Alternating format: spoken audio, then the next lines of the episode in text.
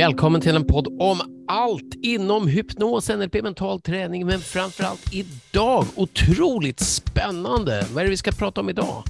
Idag ska vi prata om hur du skyddar dig mot negativ hypnos från marknadsföring, kollegor, ovänner och vänner.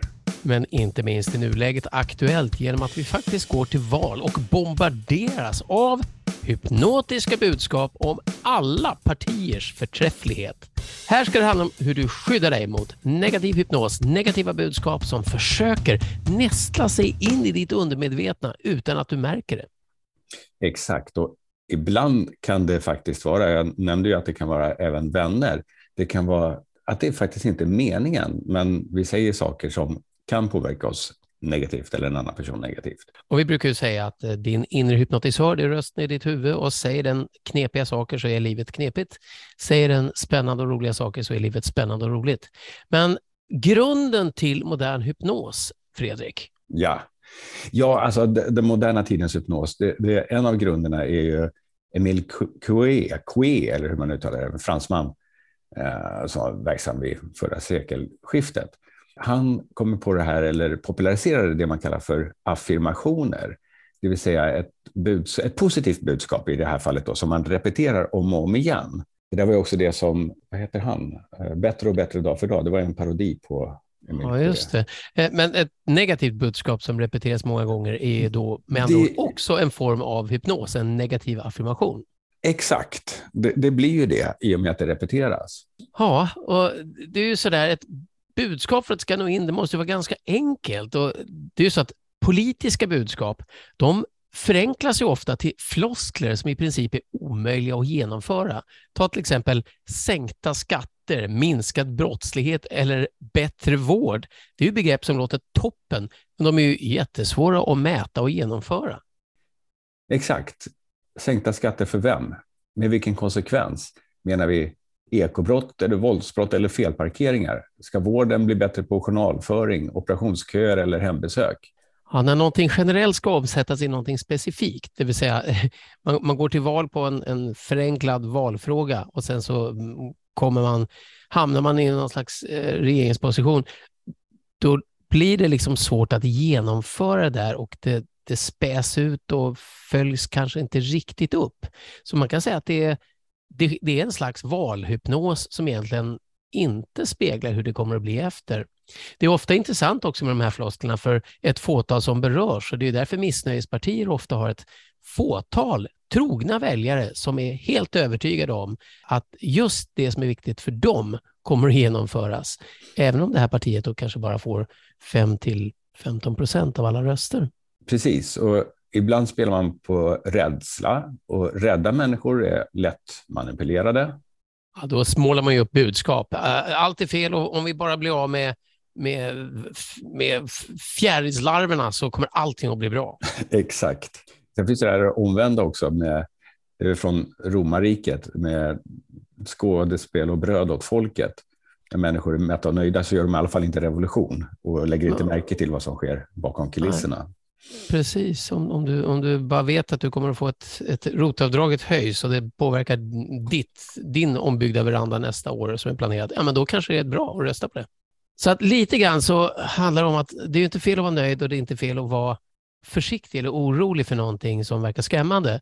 Men det handlar om att vara orolig och nöjd av rätt anledning. Och det här med jag brukar säga, eller vi brukar säga när vi, när vi jämför med, man kan säga att i en familj eller i en relation så kan det finnas en del i relationen som kanske är väldigt toxisk, som är, eh, som är negativ, som utnyttjar den andra parten och som, eh, som är narcissistisk och använder härskartekniker. Så kan ett helt land vara, för ett land eller en nation är egentligen som en väldigt förstorad variant på en relation eller familj. Ja, precis. För vi har ju liksom, det, det är svårt att se utifrån den kultur vi befinner oss i. Sen har vi också det här, man kallar för gaslightning. Det kommer väl från Hitchcock-filmen tror jag. Ja. Som är liksom en sorts negativ hypnos där målet är att du ska tvivla på dig själv och ditt omdöme och dina upplevelser och din förmåga. Ett tecken på att du är utsatt för gaslighting, vare sig det är av, av marknadsföring eller mm, allmänna världsläget eller någon i din närhet, det är att du märker att du ifrågasätter dig själv hela tiden.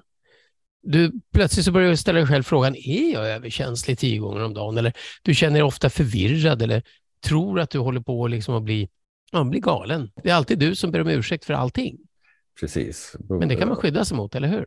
Absolut. Alltså för det första, uppmärksamma att du ber om ursäkt och fråga dig själv om den eller de andra i samma situation också tar ansvar för sin del. Mm. Eh, för en person som alltid ber om ursäkt ser inte helheten. En person som aldrig ber om ursäkt tar inte ansvar för sin del. Och ett politiskt budskap, om vi återgår till det, med ett fåtal syndabockar är troligen grovt förenklat. Ja, det är verkligheten väldigt sällan svartvit. All, all kommunikation, vare sig den sker från person till person eller via media eller via eh, nyheter eller vad det kan vara, är mer eller mindre hypnotisk. Vi är hypnotiska varelser. Och ett konkret förenklat budskap som når dig, som verkar vettigt, som når dig isolerat från allt annat. Gärna när du mår väldigt bra eller är upphetsad eller till och med rädd, kommer att filtreras genom de känslor du har, även om de inte är relaterade till budskapet. Och Det är därför tv-reklam funkar. Du ser en film och så känner du dig rörd eller rädd eller exalterad och så kommer det chips och elbilar och alla de här känslorna du har när reklamen kommer spiller över på det budskapet som finns i reklamen. Där finns det en enkel lösning. Ja. Och om vi tar det här med media också så är det ju så att negativa nyheter fångar uppmärksamheten. Så det är därför det är så mycket fokus på det som är negativt. Och problemet med det då, det är att det kan skapa oro och rädsla. Precis som tv-reklamen då, som du sa, utnyttjar tittarens upphetsning över programmens innehåll så att säga, till att sälja in en produkt. Kan politik locka väljare genom att använda oro över världsläget till, till att eh, sälja in ja, kanske en enkel lösning som kanske inte är helt relevant. Det där är ju en dans. Om, om media liksom skriver väldigt mycket om, bara ta ett konkret exempel, om, om det står om krig i media väldigt mycket, så kan frågan, borde vi eh, politiskt ta ett beslut om en allians någonstans för att skydda oss mot detta krig? De två spelar ju i händerna på varann. Och, och det är där man då vill, helst vill ha en grundad saklig dialog eller debatt där man tittar på för och nackdelar med olika scenarios. Men ofta så finns det ju, i, eh, politik drivs av många olika saker och grunden i professor Mattias Desmers teori om mass formation, massformation, är ju att propaganda i medier kan användas medvetet av politiska krafter för att kunna genomföra snabba beslut eller undantag i demokratiska rättigheter Därför att det är lättare att övertyga folk när de är rädda. Så skapar du rädsla så kan du också genomföra snabba förändringar som kanske inte helt är grundat i allas bästa. Nej, precis. Och där menar han ju också att när det finns anxiety, då, rädsla, alltså när det finns rädslor och oro och, och ångest och sådana saker som vi inte riktigt kan sätta fingret på vad det är, när det finns i samhället och sen pekar man på det är det här, det här är det farliga nu, då riktas den rädslan, ångesten mot det? Och kan man då presentera en enkel lösning så följer vi gärna det. Och detta har alltså använts i över, eh, jag skulle vilja säga i tusentals år, därför att det är så grundläggande mänskliga mekanismer, men bland annat då inför andra världskriget, åratal, decennier innan, eller innan folkmordet i Rwanda, åratal och decennier innan, så skickade man ut konsekvent budskap som skapade en stereotyp av att vissa människor var mindre värda än andra. Man kallade vissa för kackerlackor eller, mm. eh, eller någonting sånt, ormar, vässler. Sånt som man faktiskt kan utrota för att skydda sig. Och, den idén grundas ju omedvetet och är en långsiktig negativ hypnos.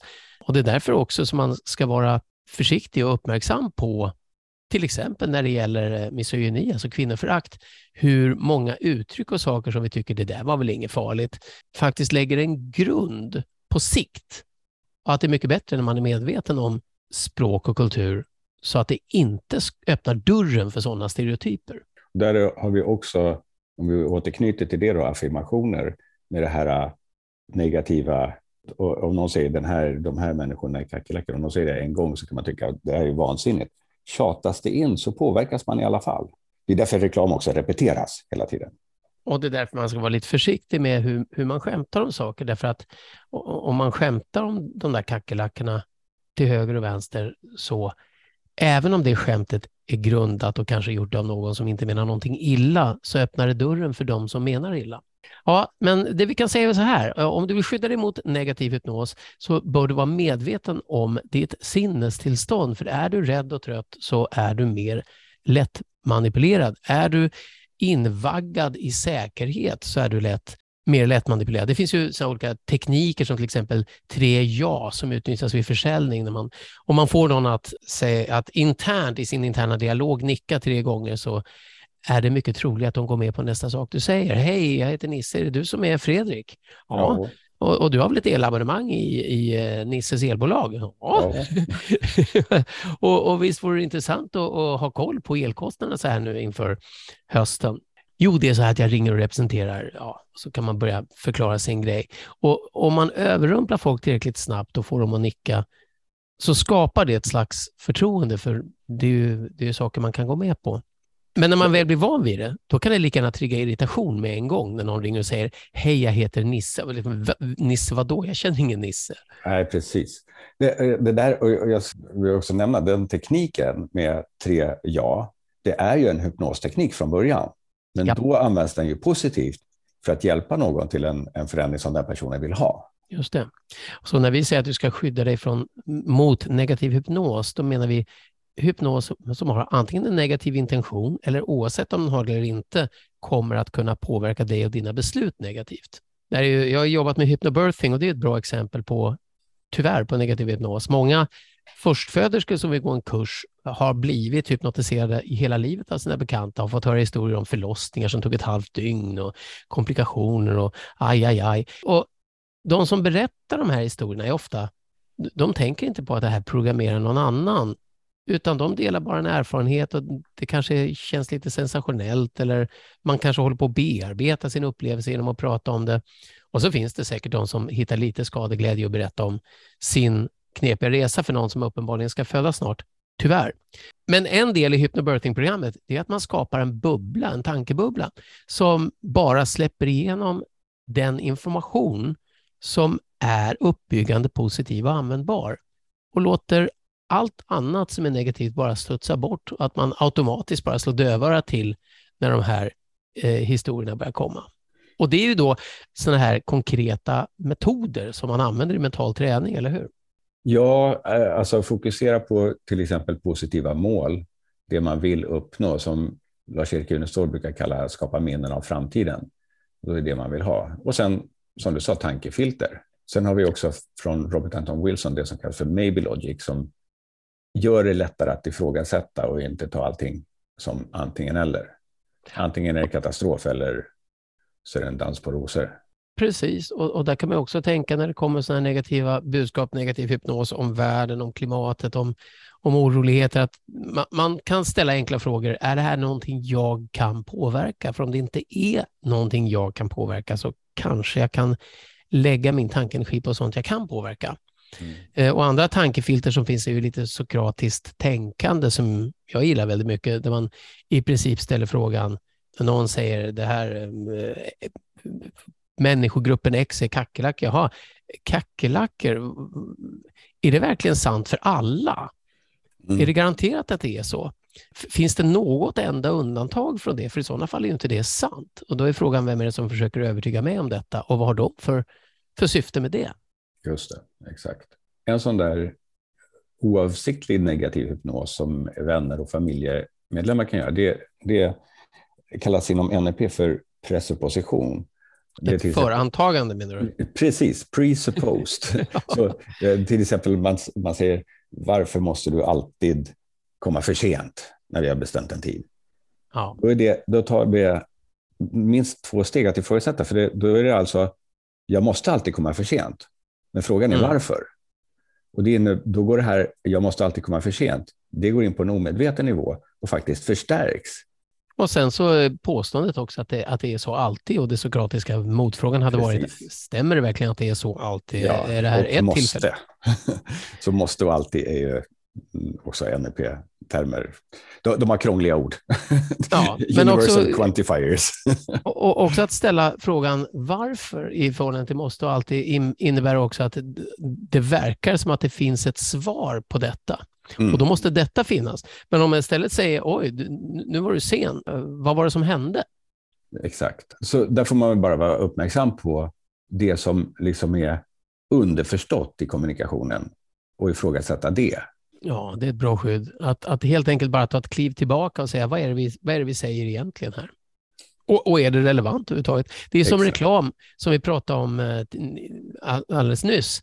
Att när reklamen kommer och du märker att shit vad, vad den här filmen är bra, så kommer shit och bra att spilla över på, på chips och elbilar kanske då, eller något politiskt budskap. Då kan du bara prova att muta, stänga av ljudet precis när reklamen kommer, så kan du behålla känslan av filmen och låta den vila i dig och i rummet istället för att kidnappas av några helt andra saker som, som kommer av någon som har betalat för att kunna nå dig med reklam just då. För det är ju så att alla dina känslor är reaktioner på ett stimuli, en tanke och alla känslor vill lösa något bygger på upplevelse och att se på en spännande film är en sån upplevelse. Ja, upplevelser behöver inte vara sanna. En film är ju till exempel fiktion, men den kan ge dig en känsla som sen kan utnyttjas om du inte är uppmärksam på det. Precis, en väldigt bra känsla till och med. Alla tankar, värderingar och känslor, de är omedelbara reaktioner och subjektiva. Och de kan ändras på en millisekund om det kommer ny information. Så man kan säga att all kommunikation är mer eller mindre hypnotisk. Beroende på ditt sinnestillstånd är du mer eller mindre på din vakt och kan sålla det som kommer in med kritiskt tänkande. Precis, och vara lite uppmärksam på, är det, här, är det här negativ hypnos eller är det här positiv hypnos? Om du då förutsätter att allt är hypnos. Så slipper du fråga dig själv om det är det. Mm. Eh, och vårt tips när du hör ett budskap, det är att ställa två frågor om, om någon då säger att, att det här är väldigt bra, det här är väldigt dåligt. Du kan säga, tänk om det är så. Tänk om det är sant, det jag just nu hör. Eller tänk om det inte är så. Och för ställer du bägge frågor så ser du från två håll och då är det mycket lättare och snabbt kunna landa i någon slags perspektiv på det. Ett tips är också vårt avsnitt som heter Blunda och vakna trygg med konstruktivt tänkande. Det, det är egentligen gjort som ett skydd mot negativ hypnos kan man säga. Det är till och med gjort hypnotiskt så att du kan eh, hypnotiskt lyssna på det när du somnar. Precis. Positiv hypnos mot negativ hypnos. Exakt. Så... Eh, men du, dela gärna. Det, alltså det är så här, vi, vi gör det här för att vi tycker det är så jäkla spännande och vi vill gärna att du delar, gillar, hör av dig, har du någon egen historia, erfarenhet. För en podd om allt med Fredrik Pest och mig, Ulf Sandström, vi vill gärna nå så många som möjligt. Vi är mentala tränare som arbetar med hypnos och NLP som involverar ditt undermedvetna i din utveckling. Och en sammanfattning av allting vi pratar om nästan hittar du i vår nya bok Unpack Your Existence som finns fysiskt och som ljudbok där böcker säljs. Gå med en gång i månaden och upplev live workshop via unpackyourexistence.com. Precis, sista tisdagen varje månad. Eh, om du tycker det här var intressant så gilla gärna avsnittet. Det gör oss en jättetjänst. Och så dela till någon, bara en enda person som du tror kan ha glädje. Då får du dessutom någon att diskutera det med.